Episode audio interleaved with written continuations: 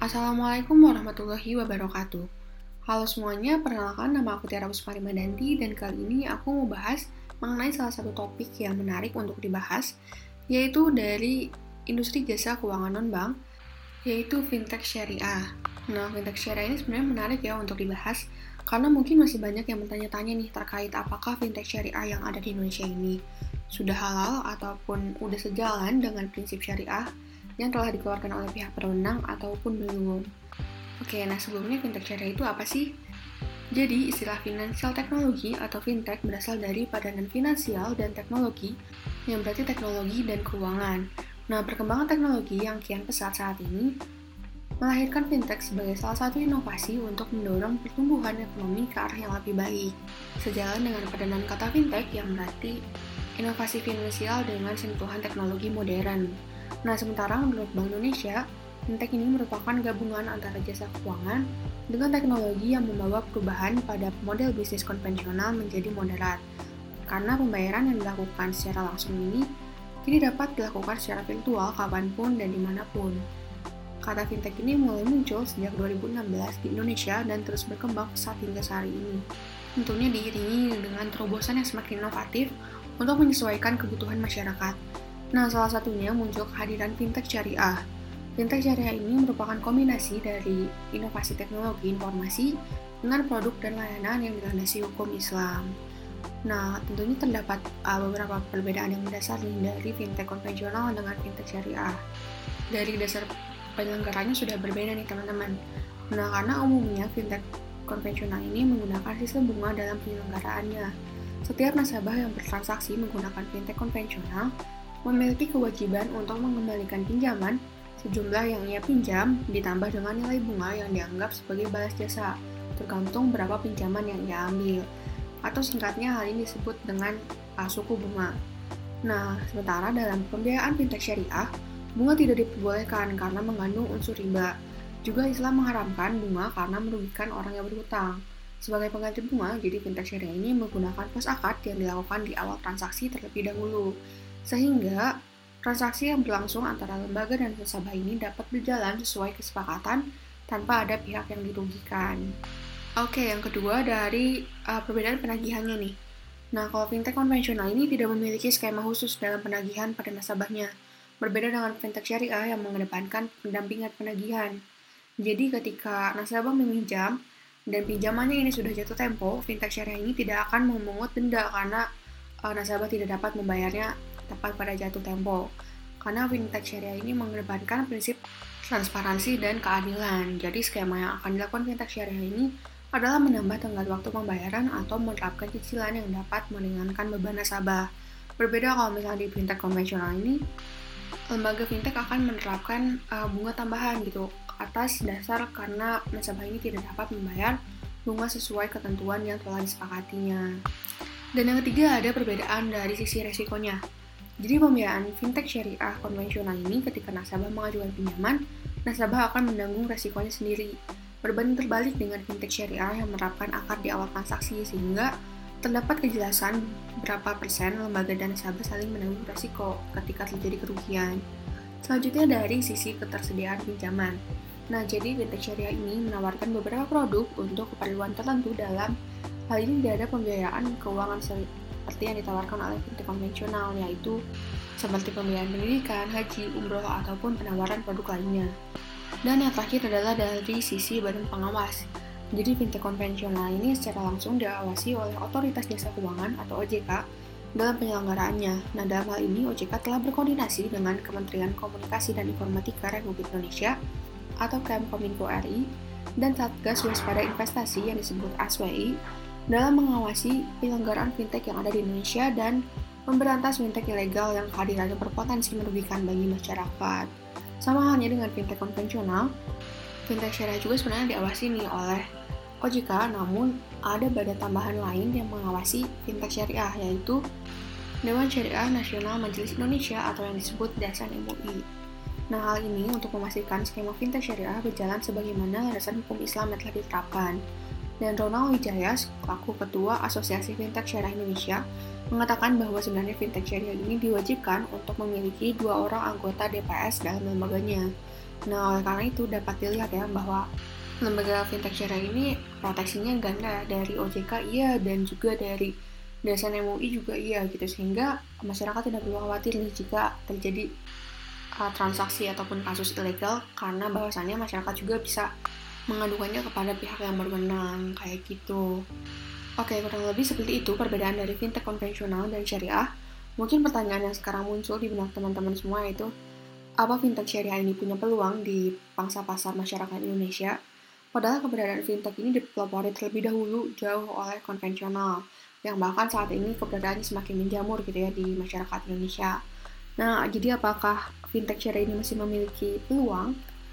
Nah, dari yang aku baca dari berita Global Salam Gateway, nah dari berita yang aku baca dari Global Salam Gateway, mereka mengatakan bahwa Indonesia ini merupakan pasar-pasar teknologi finansial atau fintech syariah terbesar kelima di dunia Nah, perkembangan fintech syariah ini dinaungi oleh Asosiasi Fintech Syariah Indonesia atau AFSI, dan AFSI ini memiliki peran untuk mendorong fintech syariah di Indonesia untuk terus berkembang nih.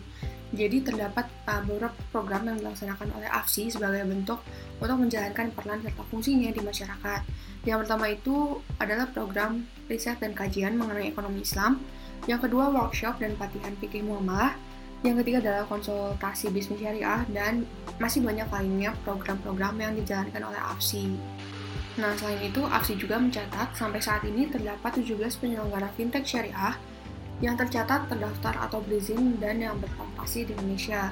Dan Ketua Umum AFSI, Ronald Yusuf Wijaya, mengatakan ke-17 fintech tersebut terdiri dari fintech peer-to-peer lending atau P2P lending, inovasi keuangan digital atau IKD, dan securities crowdfunding. Nah, dari informasi ini kita dapat menyimpulkan bahwa fintech syariah ini memiliki peluang yang besar di pangsa pasar Indonesia yang mayoritas penduduknya beragama muslim. Nah, fintech syariah juga dapat memberikan layanan syariah yang sudah terjamin kehalalannya serta melewati proses pengujian hingga terdapat keterangan legal dari pihak berwenang. Jadi, masyarakat ini nggak perlu takut ya untuk bertransaksi di fintech syariah karena bahwasanya sudah ada uh, pihak-pihak berwenang yang yang mengawasi dan menyertai fintech syariah di Indonesia.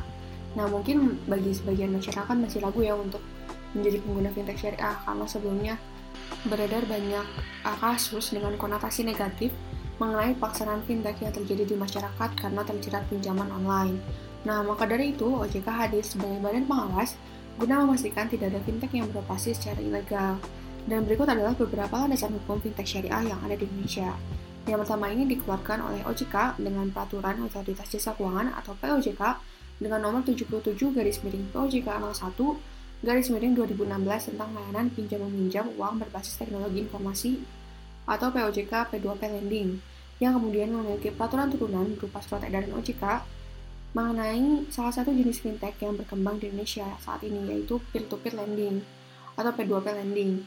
Nah, ini dikarenakan OJK melihat urgensi hadirnya ketentuan untuk mengatur fintech pinjam meminjam, memperhatikan masih banyaknya budaya pinjam meminjam atau utang yang yang tersebar di masyarakat Indonesia gitu. Dan yang kedua ini ada regulasi dari Bank Indonesia yang berupa peraturan Bank Indonesia nomor 18 garis miring 40 garis miring PBI garis miring 2016 tentang penyelenggaraan pemrosesan transaksi pembayaran, surat edaran Bank Indonesia perihal penyelenggaraan layanan keuangan digital dan peraturan Bank Indonesia mengenai uang elektronik. Juga ada dari Kementerian Komunikasi dan Informatika Republik Indonesia yang mana mengeluarkan Undang-Undang Nomor 11 Tahun 2008 tentang Informasi dan Transaksi Elektronik, Peraturan Menteri Komunikasi dan Informatika RI Nomor 4 Tahun 2016 tentang Sistem Manajemen Pengamanan Informasi juga dalam Peraturan Menteri Komunikasi dan Informatika Republik Indonesia nomor 20 tahun 2016 mengenai perlindungan data pribadi dalam sistem elektronik. Serta yang terakhir adalah dari Fatwa DSN MUI ini mengenai pelaksanaan fintech.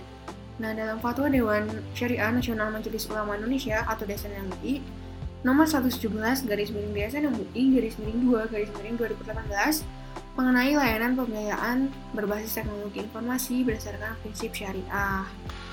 Nah, semoga uh, dengan penjelasan mengenai regulasi tadi, teman-teman jadi paham ya kalau fintech syariah ini sudah diatur sedemikian rupa sehingga menjadi badan yang legal untuk beroperasi. Jadi teman-teman nggak perlu khawatir nih untuk uh, bertransaksi di uh, lembaga fintech syariah.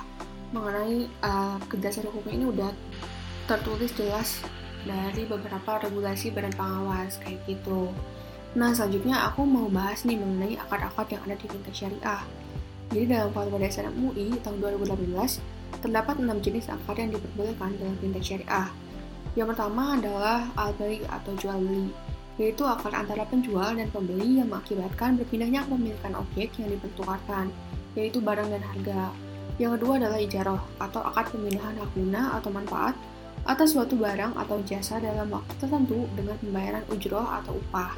Yang ketiga ada mudoroba, yaitu akan kerjasama suatu usaha pemilik modal yang menyediakan seluruh modal dengan pengelola dan keuntungan usahanya ini dibagi antara mereka sesuai nisbah yang disepakati dalam akad. Nah, sedangkan kerugiannya ini akan ditanggung oleh pemilik modal sepenuhnya. Dan yang keempat adalah musyarakah. Jadi, akad kerjasama antara dua pihak atau lebih untuk suatu usaha tertentu di mana setiap pihak ini memberikan kontribusi dana dan modal usaha. Yang mana ketentuan ini keuntungan dibagi sesuai nisbah yang disepakati atau secara proporsional, sedangkan kerugian ditanggung oleh pihak proporsional. Yang kelima adalah wakalah bil al-ujroh atau akad pelimpahan kuasa untuk melakukan perbuatan hukum tertentu yang disertai dengan imbalan berupa ujroh ataupun upah. Nah, yang terakhir adalah akad court, yaitu akad pinjaman dari pemberi pinjaman dengan ketentuan bahwa penerima pinjaman wajib mengembalikan uang yang diterimanya sesuai dengan waktu dan cara yang disepakati oleh kedua belah pihak. Nah, jadi itu dia akad-akad yang dipakai oleh fintech syariah. Dan aku juga mau jelasin satu topik penting lagi nih tentang mekanisme pembiayaan piutang. Jika teman-teman uh, tertarik gitu untuk melakukan transaksi piutang yang uh, ada di fintech syariah. Nah, yang pertama, dengan adanya akad yang menimbulkan Hubungan hukum utang piutang yang ditunjukkan dengan bukti tagihan atau invoice oleh calon penerima pembiayaan dari pihak ketiga atau payer yang menjadi dasar jasa dan atau pembiayaan anak piutang. Yang kedua, nantinya calon penerima pembiayaan atas dasar bukti pinjaman invoice tadi mengajukan jasa dan atau pembiayaan kepada penyelenggara. Yang ketiga, pihak penyelenggara akan menawarkan kepada calon pembeli pinjaman untuk meminjamkan jasa penagihan piutang berdasarkan bukti tagihan atau invoice baik disertai dan atau tanpa disertai adanya telangan atau cord. Nah, yang keempat ini dalam hal calon pemberi jasa dan atau utang pembiayaan menyetujui penawaran dilakukan oleh akad wakalah bil al ujroh kepada pemberi pinjaman dengan penyelenggaraan pemberi pembiayaan sebagai wakil dan penyelenggara sebagai wakil. Nah, yang kelima, penyelenggara melakukan akad bil al dengan penerima pembiayaan untuk penagihan utang, penyelenggara sebagai wakil dan penerima sebagai pemwakil. Yang keenam, penyelenggara sebagai wakil dari memberikan pembiayaan dapat memberikan talangan dana dengan akad court kepada penerima pembiayaan atau jasa. Yang ketujuh, penyelenggara melakukan penagihan kepada pihak ketiga atau payer atas piutang penerima pembiayaannya. Dan yang kedelapan, Penerima pembiayaan membayar ujrah kepada penyelenggara. Kesembilan, penerima pembiayaan membayar utang court jika ada kepada penyelenggara sebagai wakil dan yang uh, terakhir, penyelenggara wajib menyerahkan ujrah dan court jika ada kepada pemberi pembiayaan. Nah, itu tadi nih penjelasan singkat mengenai mekanisme pembiayaan anjak piutang atau factoring yang ada di fintech syariah.